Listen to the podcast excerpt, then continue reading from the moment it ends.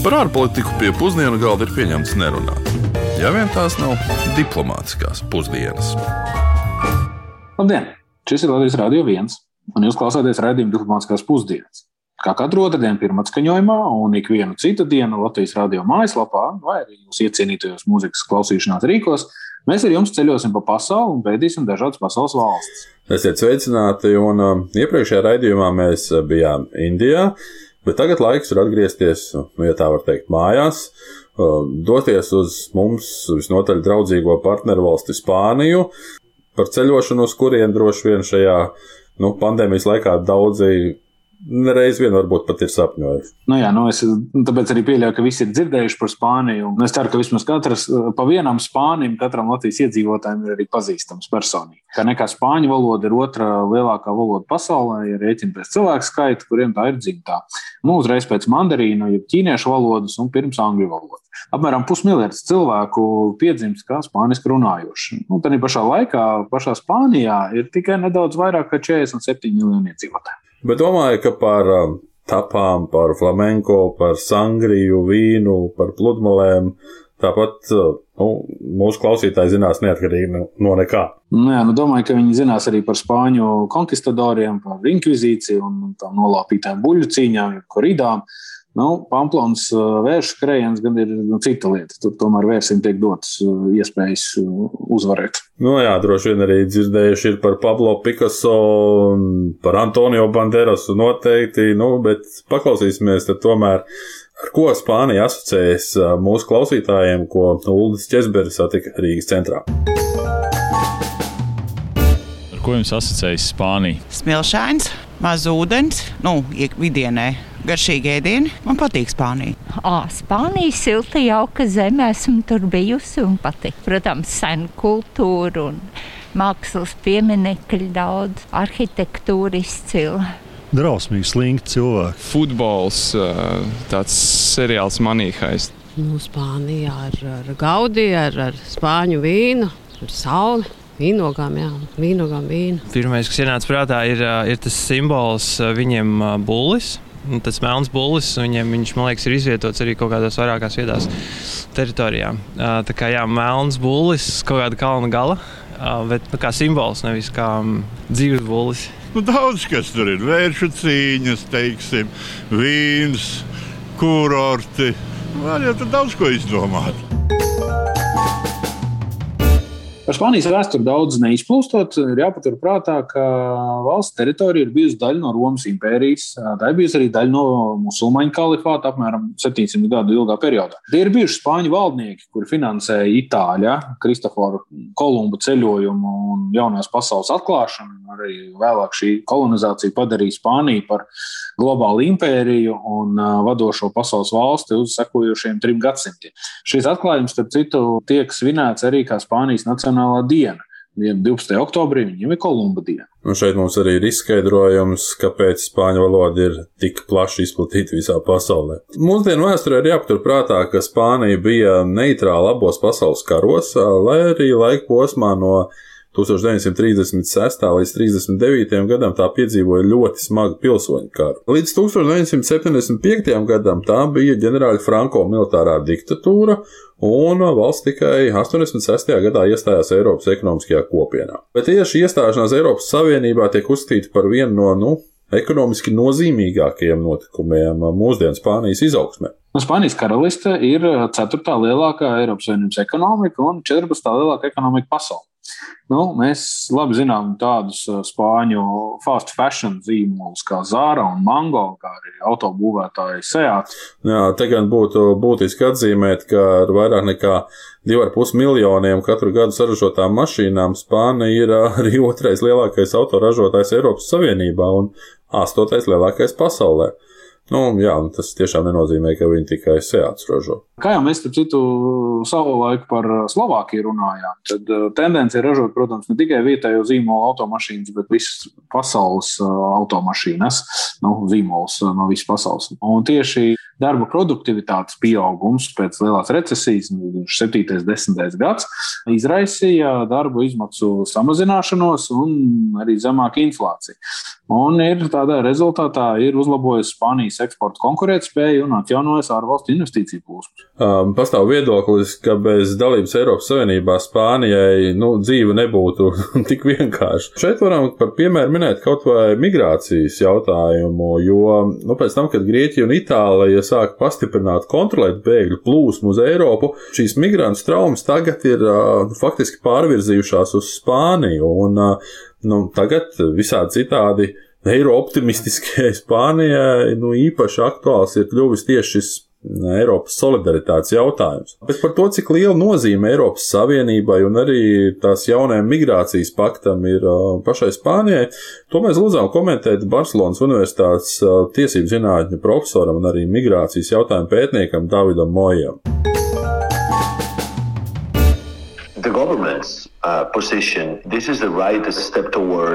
European pact. Spānijas valdība uzskata, ka virzīšanās uz Eiropas migrācijas paktu ir solis pareizajā virzienā. Šis ir ļoti sarežģīts likumdošanas dokuments, kurā apkopoti simti un tūkstoši lapušu dažādu piedāvājumu, tāpēc raksturot to tikai ar dažiem komentāriem ir neiespējami. Taču Spānija šādu iniciatīvu uztver ļoti atzinīgi, jo uz problēmu sāk skatīties globāli, ņemot vērā dažādu valstu situāciju un arī vēlmes migrācijas un bēgļu plūsmas pārvaldībā. Taču šis ir tikai pirmais solis. Spānija šajā ziņā ietur kopīgu pozīciju ar pārējām vidusjūras valstīm - Itāliju, Kipru, Grieķiju un Maltu.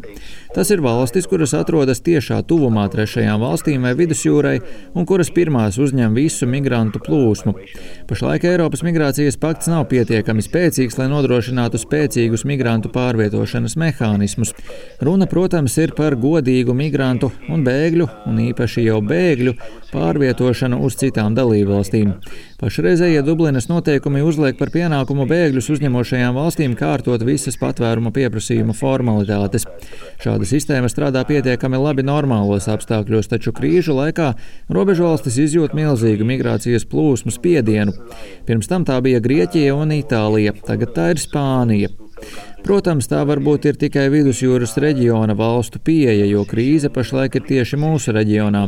Taču jebkurā brīdī jauna krīze no kurienes var uzrasties arī pie Eiropas Savienības austrumu robežas.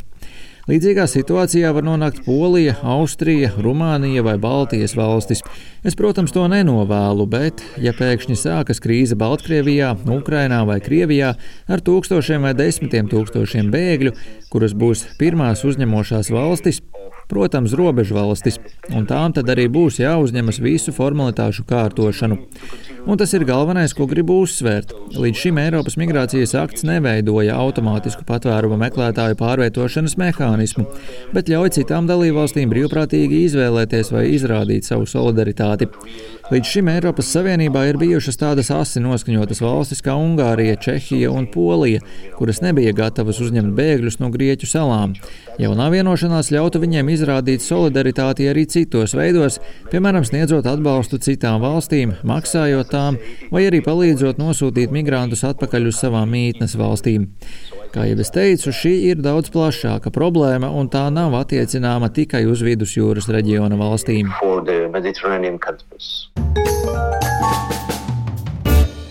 Nu, ņemot vērā to, ka Spānija ir daudz vairāk nekā tikai mūsu partneru valsts Eiropas Savienībā un NATO, padomājam, ka šodien būtu jāizdara kas relatīvi netipisks mūsu raidījumam un jāpaskatās uz Spānijas un Latvijas divpusējām attiecībām.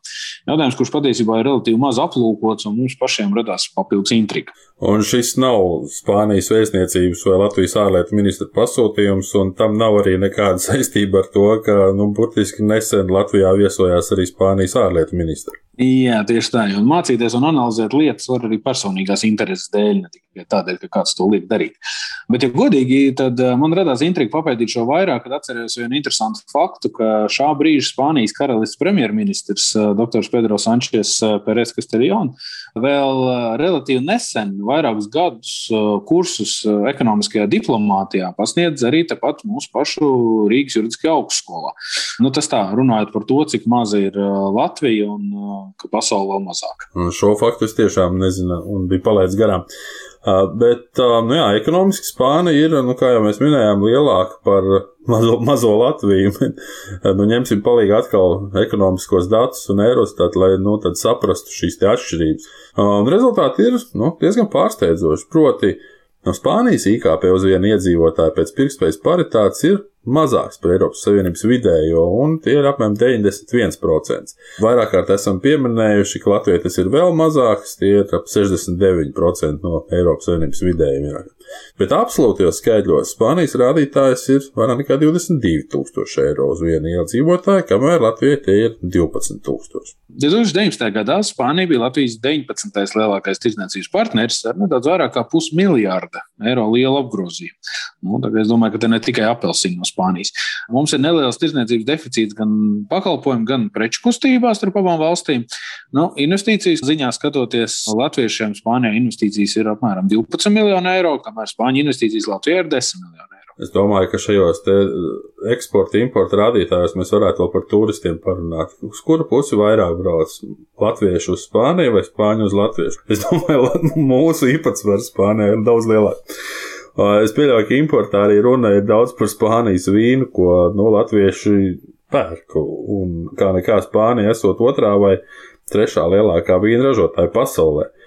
Un, starp citu, vīnogulājiem lietoto teritoriju platību ziņā Spānija pat ir pirmajā vietā pasaulē. Tie ir 1,2 miljoni hektāru. Nu, paši gan spāņi ir tikai devītie vīnu patērējošākie pasaulē. Bet nedaudz atgriežoties pie turisma jautājuma, nu, protams, ka mūsu iedzīvotāji ir iecienījuši doties turisma braucienos, un tas varētu būt cenu dēļ. Tomēr šis nav populārākais galamērķis, bet pat Spānija vispār ir otra iecienītākā turistu valsts pasaulē, uzreiz pēc Francijas. Un uh, turisma industrija veidoja pirms, nu, pirms Covid apstākļos vairāk nekā 10% no valsts iekšzemes koprodukta. Jā, bet parunāsim arī nedaudz par politiskajām, militārajām un arī cilvēku attiecībām. Pirms tu sāc, fakts, ko gribas atzīmēt, un kas ir minēts arī mūsu ārlietu ministrijas mājaslapā, ir fakts, ka Spānija nekad nav atzinusi Baltijas valstu inkorporāciju Padomu Savienībā, nu, respektīvi Padomu okupāciju. Vēl vairāk, nebija izveidota diplomātiskā misija Spānijā vecās Latvijas laikā, un augstā kara posmā, 1950. gada sākumā, Spānija aicināja visas trīs Baltijas valstis tādas atvērt. Jā, nu, Spānijas solidaritāte ar Baltiju un Latviju gan noteikti nebeidzas tikai pie šī, un mūsdienās nozīmīgākais elements noteikti ir tas, ka NATO kaujas grupā Ādažu militārajā bāzē ilgstoši izvietots arī Spānijas kontingents un militārā tehnika. No Spānijas karavīri ir otrais lielākais spēks pēc Kanādas, tie kopskaitā ir ap 300 uh, militāru personu, arī apkalpojušies personāls. Un ir nu, vairāk gadījumu, kad Spānijas karavīri tiešām ir palīdzējuši arī mūsu vietējiem iedzīvotājiem Latvijā, piemēram, nu, kaut kā pārvest mēbeles vai ciemojoties grašu ciemā pie bērniem. Vēl interesants fakts, ka, jo kā liecina ieraksts Latvijas Nacionālajā encyklopēdijā, nu, kur tā apskatīties tiešsaistē internetā online, tad latviešu brīvprātīgie savulaik piedalījušies arī Spānijas pilsoņu karā. Pats uh, pilsoņu karš gan uh, arī prasītu vēl ilgu izpēti, bet nu, viena no interesantākajām lietām ir tas, ka reāli funkcionējošas anarchistu kopienas un teritorijas pilsoņu kara laikā Spānijā pastāvēja. Um, kam, starp citu, ir interesanti politisko sistēmu vēsture. Silti iesaku internetā palasīt, un vērtīgs uh, un mūsu platuma grādos mazāk zināms fakts. Nu, mēs vēl ļoti, ļoti daudz varētu nosaukt lietu, kuras pameklēt un paskatīties papildu, jo nu, mūsu raidījumā vienkārši minūšu ir par maz. Bet rezumējot, nu, šķiet, ka Spānija ir pietiekami tālu no mums gan geogrāfiski, gan vēsturiski, bet, nu, acīm redzot, tā nebūtu. Nav. Un to apliecina arī 409 Latvijā pastāvīgi dzīvojošie Spānijas pilsoņi. Lai cik būtu paēdis, vienmēr ir vieta arī desertam. Desertā, ko mēs šodien vēlamies, um, kā būtu ar Spānijas iepriekšējo karalu, nu, viņa korupcijas skandāliem, kuriem visa pasaule sako līdzi, lai neizklausītos ļoti kanibālistisks pieteikums. Nu, domāju, karalis Juanu Karlos, es, um, man vairāk patīk uh, karalis Filipa, pašreizējais karalis, uh, kurš uh, Tāpat kā es esmu burātājs, un, starp citu, karalis Filipe ir piedalījies arī Olimpiskajās spēlēs tieši burāšanā. Aha, bet uh, es gan laikam gribētu pastāstīt vairāk par 300 gadus vecu restorānu. Tā nosaukums ir Sabrino de Butīna, un tas ir pastāvīgi darbojies kopš 1725. gada. Atvērt to ļoti, ļoti sen atpakaļ francūzis Žants Butīns un viņa sieva. Vēl joprojām tiek pasniegts viņu speciālais ēdiens, končīļo sādo, jeb cepts sivēns. Nu, īpaši cepts sivēns, detaļās neiedziļinoties. Restorāns ir atrodams Madridē, un pats restorāns ir minēts arī vienā no Ernesta Hemingway novelēm. Un kas vēl interesantāk tajā, kā viesmīlis dažus gadus ir strādājis arī slavenais gleznotājs Francisko Goja. Nu, jā, bet restorāna ziņā Spānija tāpat ir rekordiste, jo nu, bāru valstī ir vairāk nekā jebkurā citā valstī. Tiek rēķināts, ka tur ir apmēram 300 tūkstoši bāru. Nu jā, nu, laikam tā saucamais pub crawl būtu mūža izaicinājums. Neiespējamā misija. Precīzi, jā. Mēs nevienu neiedrošinām mēģināt. Nepieminējām vēl tikai to, ka pati Madride geogrāfiski ir uzbūvēta pašā valsts centrā. Man šķiet, ka tāpat uh, virkne būtisku un aizraujošu lietu apskatījām arī par mūsu draudzīgo partneru valsti. Atgādināšu tikai, ka raidījuma atkārtojumos varat uh, klausīties Latvijas radio mājaslapā un jūs iecienītos mūzikas un audio stāstu straumēšanas platformās. Radījumu veidoja Kārlis Bukovskis no Latvijas ārpolitikas institūta, kurš pašlaik atrodas Vašingtonā, un arī Udis Lībijams no Latvijas radio šeit pat pierīgā. Nākamā nedēļa uz Spānijai ļoti, ļoti tuvu bet geogrāfiski varbūt netik tuvu Kubu. Bet tikmēr, lai izdodas. Lai izdodas. Diplomātiskās pusdienas katru otrdienu pusdienos Latvijas Radio 1.